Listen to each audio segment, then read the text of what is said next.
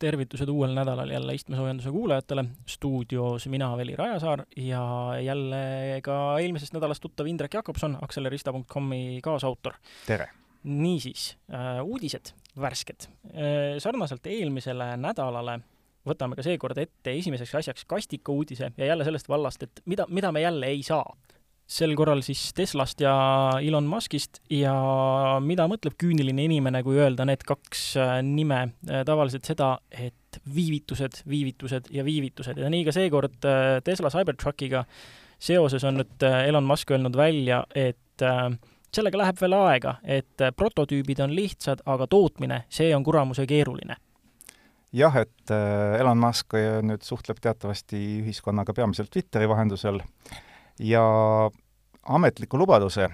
Tesla on ikkagi börsiettevõte, on antud, et äh, Cybertruck tuleb tootmisse kahe tuhande kahekümne teise aasta lõpul. aga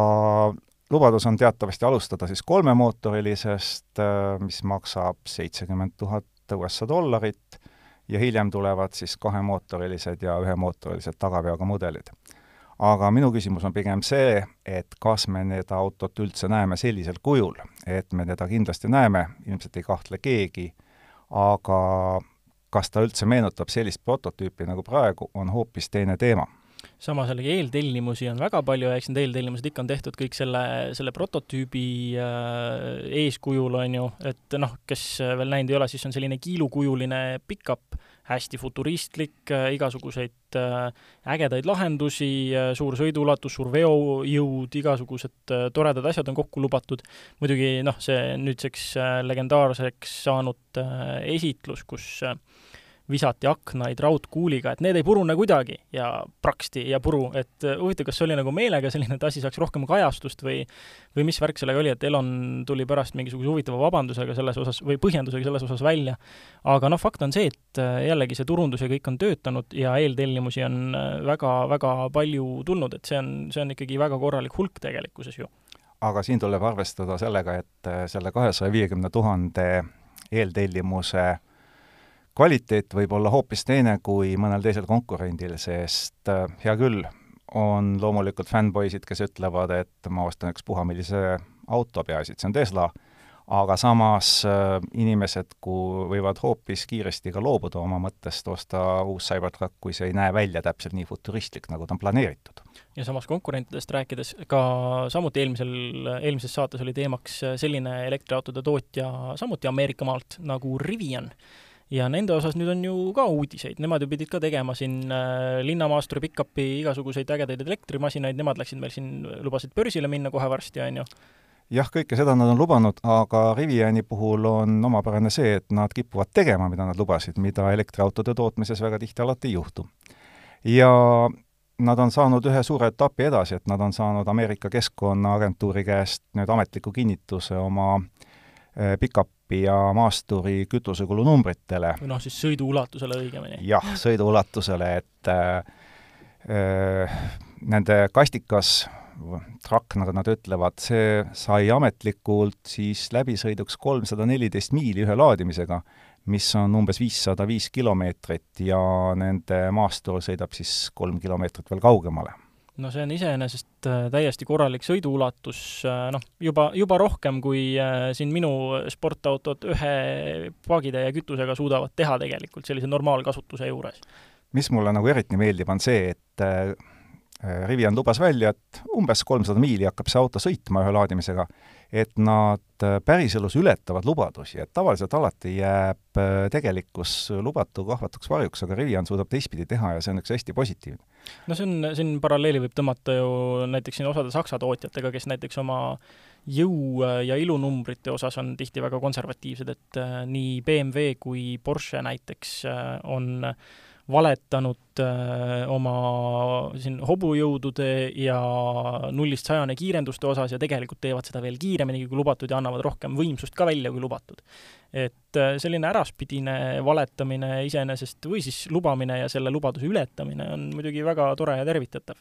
samas, kui me vaatame hinnalipikut, siis see asi on suhteliselt soolane, ehk Riviani kastikad hakkavad pihta sealt, kus Tesla hinnad lõpevad. et kui Teslal need autod maksavad et noh, ümardatult nelikümmend tuhat või viiskümmend tuhat ja kõige kallim siis mhm. seitsekümmend tuhat äh, dollarit, siis Riviani omad hakkavad pihta kuuekümne seitsmest poolest ja lähevad sealt kiiresti üles. samas neil on jällegi see, et nad on lubanud ka nüüd juba saja kolmekümne viie kilovatt-tunnise akupaki välja, mis on noh, Tesladel on siin ju P100D ja kõik need eri Ludicrous ja Plaid mudelid, millel on ikkagi üldjuhul need saja kilovatt-tunnised akupakid. et et see on veel törts üle selle, sellise akupakiga noh, nüüd ei ole ametlikult nüüd seda kinnitust küll veel saadud, aga peaks isegi peaaegu kuussada viiskümmend kilomeetrit suutma selline asi sõita. aga noh, jällegi muidugi see jääb äh, osadele sarnaste joontega tootjatele, ehk siis äh, jällegi Ameerika ja elektriauto tootjale, sellisele tootjale nagu Lucid muidugi alla, et Lucid, äh, mis on veel kõrgema otsa tootja, on lubanud, et neil üks, üks masin ühe suurima akupakiga teeb juba üle tuhande kilomeetri. samas jällegi noh, Tesla on ka mõne masina puhul lubanud, et üle tuhande kilomeetri. et äh, see, aga noh, ma olen täiesti veendunud, et sinna ei lähe kaua aega, kuni elektriautod päriselt suudavadki ühe laadimisega selle tuhat ka täis teha. aga samas on Rivian öelnud, et hinnatundlikumale kliendile, mitte hinnatundlikule, on tulemas ilmselt ka pisut väiksema akuga versioon, mis sõidab natukene vähem ühe laadimisega, aga maksab ka tunduvalt vähem. nüüd äh, vaatame korra särtsukatest tagasi sinna askeetliku ja vanamoelise tehnoloogia poole, vanad head V kaheteistkümned ja noh, räägitakse ikka, et parimad neist on äh, tulnud äh, päris pikka aega Itaaliast. ja Itaalias on käimas suurem lobitöö selle osas, et need V kaheteistkümned siis ei läheks niimoodi põlu alla nagu sisepõlemismootorid üleüldiselt. et kuigi Euroopa siin tahab minna üle täielikult heitmevabale tulevikule, siis itaallased ikkagi äh, soovivad alles jätta nii oma Lamborghini kui Ferrari V12-d, sest need on nende arvates nii kõva brändi identiteet, äh, identiteedi osa, noh, Enzo Ferrari ise on ju kuulsalt, äh, kuulsad sõnad öelnud, et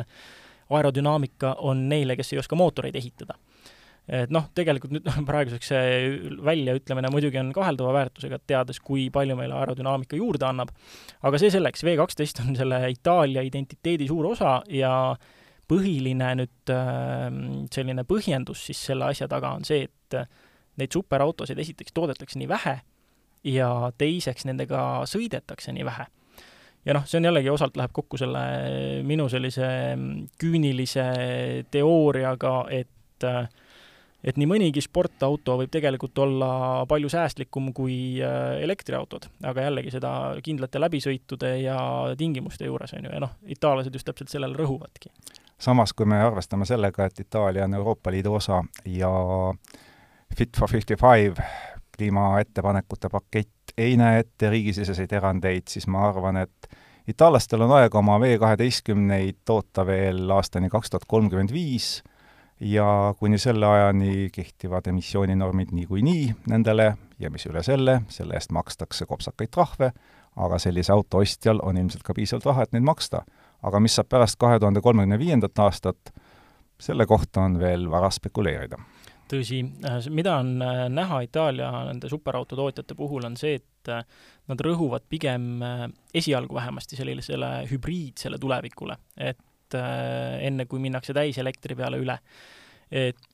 siin ka sahistatakse, et Ferrari, kes on nüüd paljude arvates läinud pühaduse teotuse teed ja tuleb välja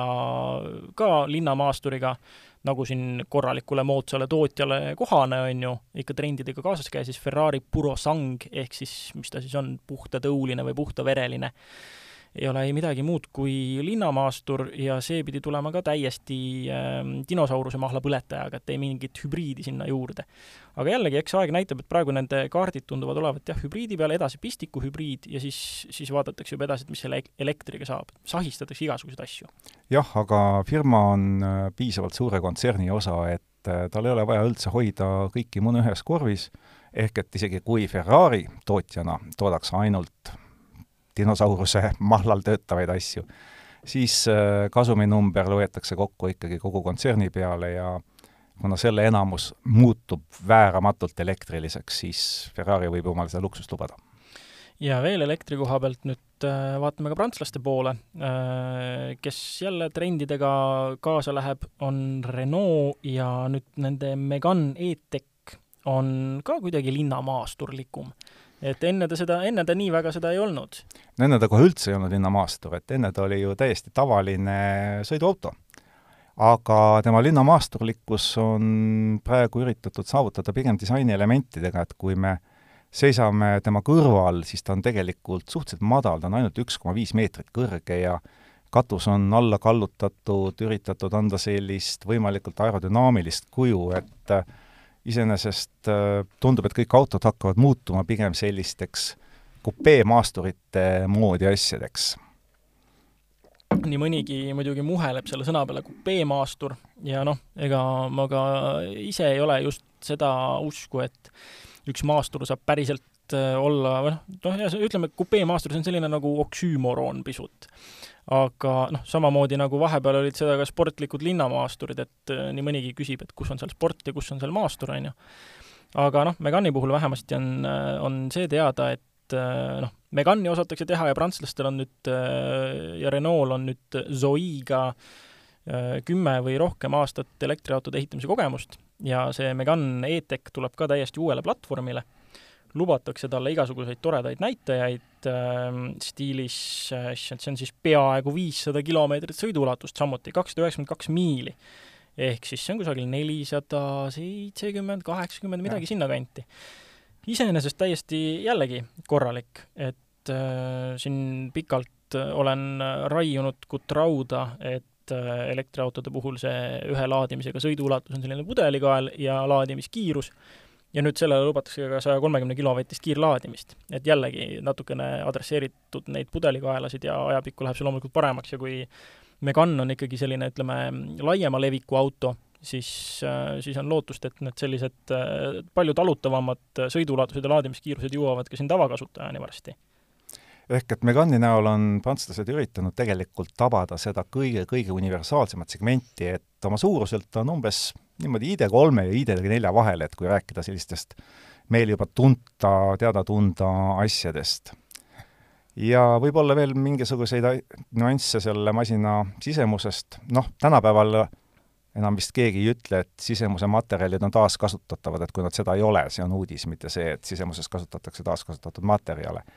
et äh, tänapäeva elektriautode keskkonnasäästlikkus ja materjalide taaskasutus on nii moodne, et seal juba teist valikut enam eriti ei pakuta. jah, noh, siin on, äh, ma, ma nüüd ei ole kindel, kes seda trendi esimesena alustas, aga suure kella külge pani selle vist esimesena kusjuures Volvo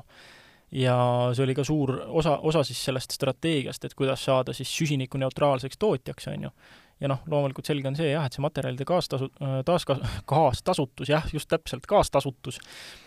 kaastasutud kõigi eelnevate kasutajate poolt, on, on siis see tee, kuhu minna. aga, aga jah, praeguseks seda eksib aina rohkem ja rohkem ka teiste tootjate valikusse, Citroen on äh, veel viimase, viimatisi turundustekste meenutades, Citroen on seda välja toonud, et taaskasutatud materjalid ja nii edasi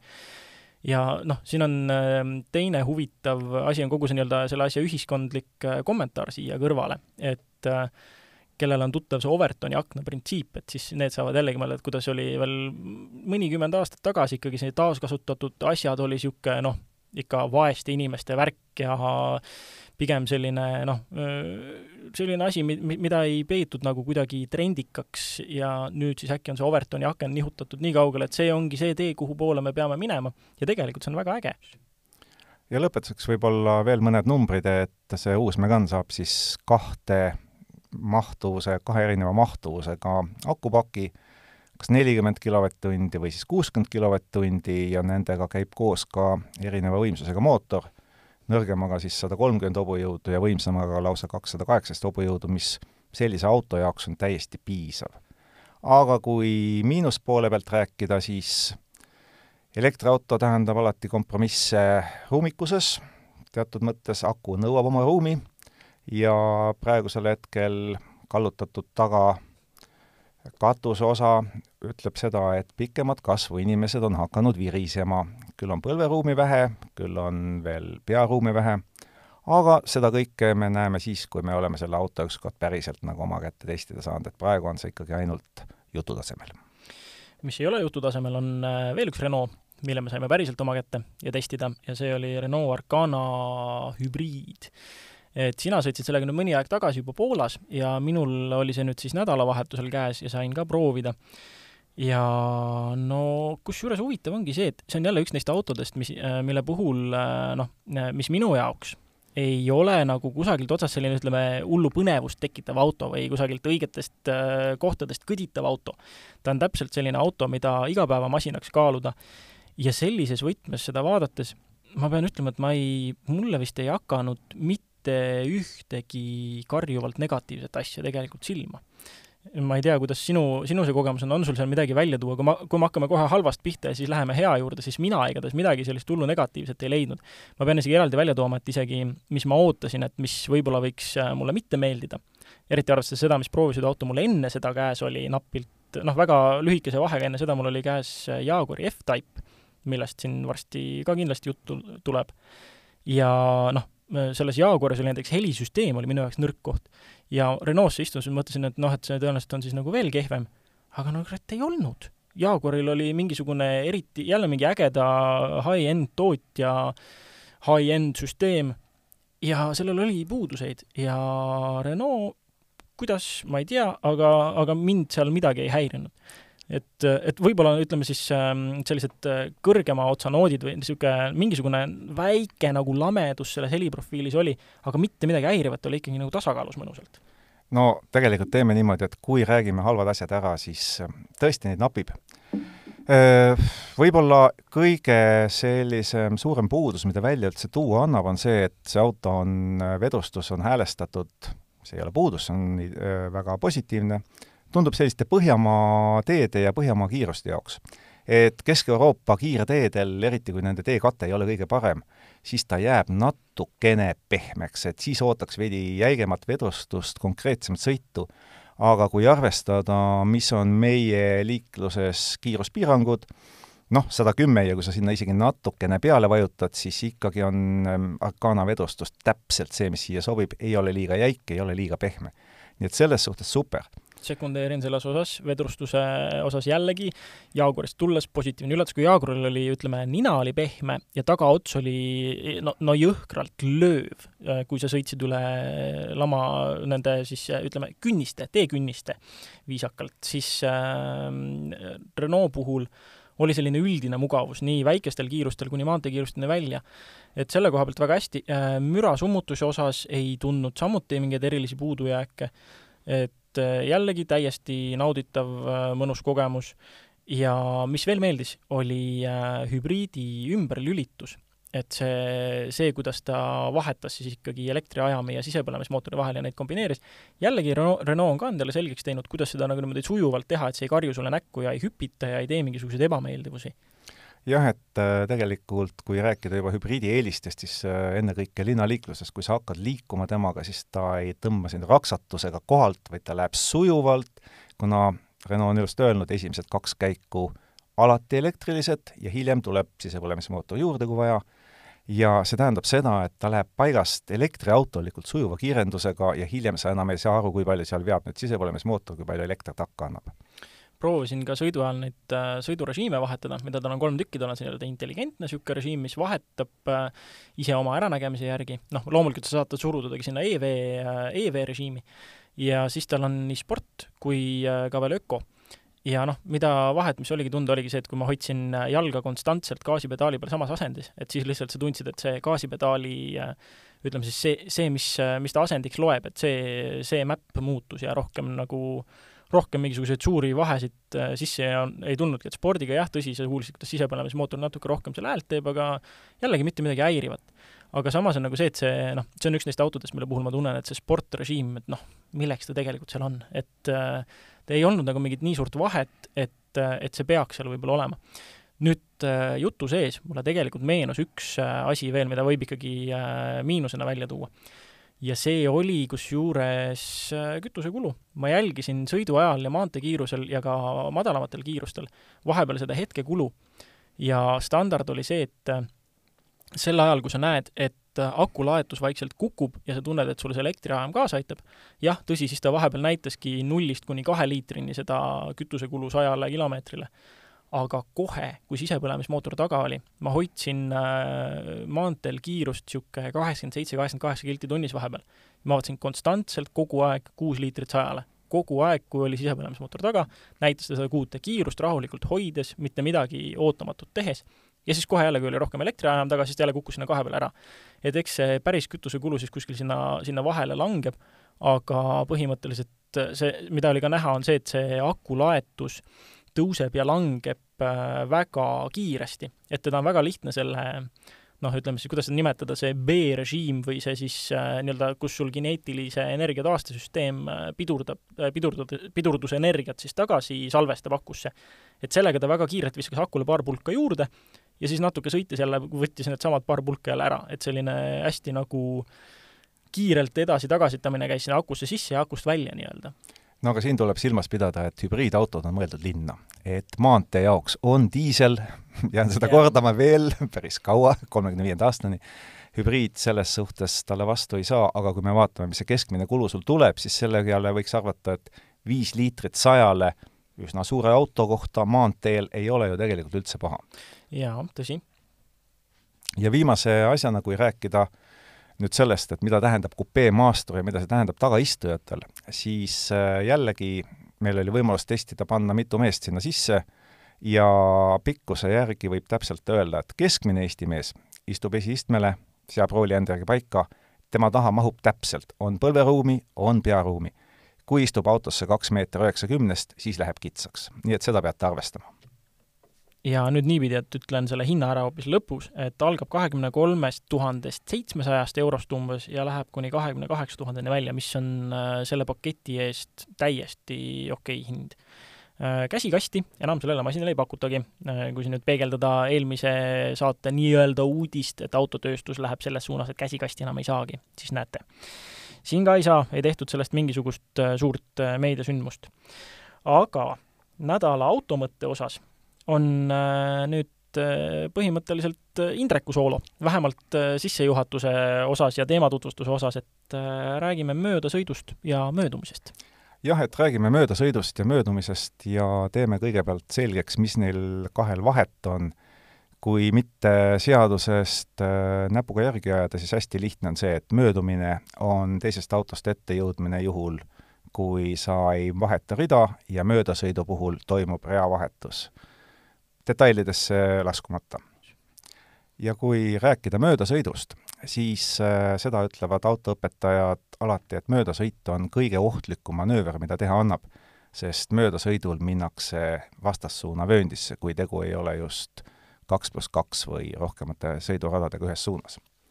aga millest me tahame rääkida, on see, et äh, lisaks liiklusohutusele võiks natukene mõelda ka liiklusviisakusele möödasõidul möödumise puhul see on natukene vähem oluline. et äh, esimene asi, mida tasub alati mõelda, kui jõuda kellestki mööda ja siis keerata tema ette, siis tasub alati mõelda, et kas ma tahaks kohe tema ees olla või peaks pisut kauem olema, enne kui tema ette reastuda. rusikareegel, mida sõiduõpetajad muide ütlevad, on see, et äh, õige aeg oma ritta naasta on juhul, kui sa näed möödasõidetavat autot peeglist täielikult. nii et meie esimene soovitus, kui oled teel, millel on mitmes suunas, samas suunas mitu sõidurada, kaks pluss kaks, nagu meil on tavaks öelda, siis äh, pigem ole selles teises sõidureas mõni sekund kauem kui mõni sekund vähem, tagasõitja on selle eest sulle väga tänulik, sest äh, sinu rataste alt alati tuleb midagi üles, olgu see liiv, tolm ja vihmase ja lumise ilmaga me sellest isegi ei räägi. Et selles mõttes äh, jäta ohutu pikivahe, et tema ei peaks pidurdama ja ära keera talle kohe ette. siis äh, teine soovitus, mis tuleneb küll jällegi liiklusseadusest, aga mida nagu terve mõistusega peaks alati silmas pidama ja ka järgima, on see, et kui sa keerad kõrvalteelt peateele või kui sa lihtsalt oled liikunud aeglasemalt või peatunud ja siis hakkad kiirendama, enne vaata tahavaatepeeglisse äkki keegi on sinust mööda sõitmas. et ei tekiks väga rumalat olukorda. sina kiirendad, tema sõidab mööda, tema kiirendab, sina kiirendad ja lõpptulemus on see, et ta ei saa sinust mööda ja võib tulla vastu keegi ja seda me keegi enam ei taha. et selles mõttes meie soovitus number kaks, vaata alati üle õla, enne kui sa hakkad kiirendama, võib-olla on keegi sinust möödumas ma saan aru, et siin äh, osade soovituste äh, osas sa konsulteerisid ka Transpordiameti spetsialistiga, et, äh, et see on siis, need soovitused on siis nii-öelda nii liikluskogemuse kui ka liiklusseaduse kui ka siis Transpordiameti eksperdi soovitustest kõik nagu siis niimoodi kokku kondenseeritud, on ju? just täpselt, ja selle pealt tuleb meie kolmas soovitus et kui Transpordiamet ütleb, et mööda sõita tasub juhul, kui kiiruste vahe on vähemalt kakskümmend kilomeetrit tunnis ja nemad rõhutavad alati, et möödasõidul ei tohi piirkiirust ületada, siis see tähendab seda, et tegelikult sa võid mööda sõita ohutult ja mugavalt olukorras, kus sinu eesliikleja, ma mõtlen meie tavakiirusega maanteedel, kus on lubatud üheksakümmend, et kui see eessõitja sõidab seitsmekümnega ja Transpordiameti soovitus sellisel juhul, kui eessõitja sõidab näiteks kaheksakümne viiega või kaheksakümnega, tundub õudselt tüütu, siis püüa üldse mitte parem mööda sõita. et et äh, tee parem väike paus, keera kõrvale, võta üks kohvi ja kohale jõuate ilmselt selle eessõitjaga täpselt ühel ajal, aga olete puhanud ja närvid on puhkanud. jaa, need on siin kõik asjad, mis on erinevate, erinevaid saateid, videoid tehes ja ekspertidega rääkides äh, kõik välja tulnud, äh, et tõesti, see vahe on nii minimaalne tegelikult, mis sa seal nende möödasõitudega võidad, aga no see närvikulu on nii palju suurem. et mul näiteks sellest hetkest saadik, kui ma oma parempoolse rooliga MR2 arvele sain Eestis, ja maanteel olen sõitma pidanud, on, ma olen väga tänulik selle kogemuse eest, sellepärast et äh, möödasõidud on võimalikud ainult kindlatel teelõikudel, äh, üldjuhul kui on lauged, pikad kurvid, kus kaugele näeb ette, on ju, ja, ja ongi, ma olengi hakanud hoidma veelgi turvalisemat pikki vahet ja mu aju lähebki sellisesse rahuliku kruiisimise režiimi, kus ma mõtlen, et ah, mul ei olegi vaja mööda minna tegelikult kellestki. et selles mõttes äh, väga tore selline mõttemall kuhu omadega sõites välja jõuda. ei olegi vaja närvitseda ja tõmmelda tegelikult. ja tehnoloogia areng on seda igati toetanud, et Euroopa Liit muudab varsti kohustuslikuks adaptiivse ehk siis eesliikujaga distantsi jälgiva püsikiirushoidja, nii et paned selle peale ja liigud eesliikuja kiirusega täiesti rahulikult ja ei pea muretsema. täpselt. liikleme jälle kord kõik turvaliselt ja järgmisel nädalal kuuleme uuesti loodetavasti. nägemist!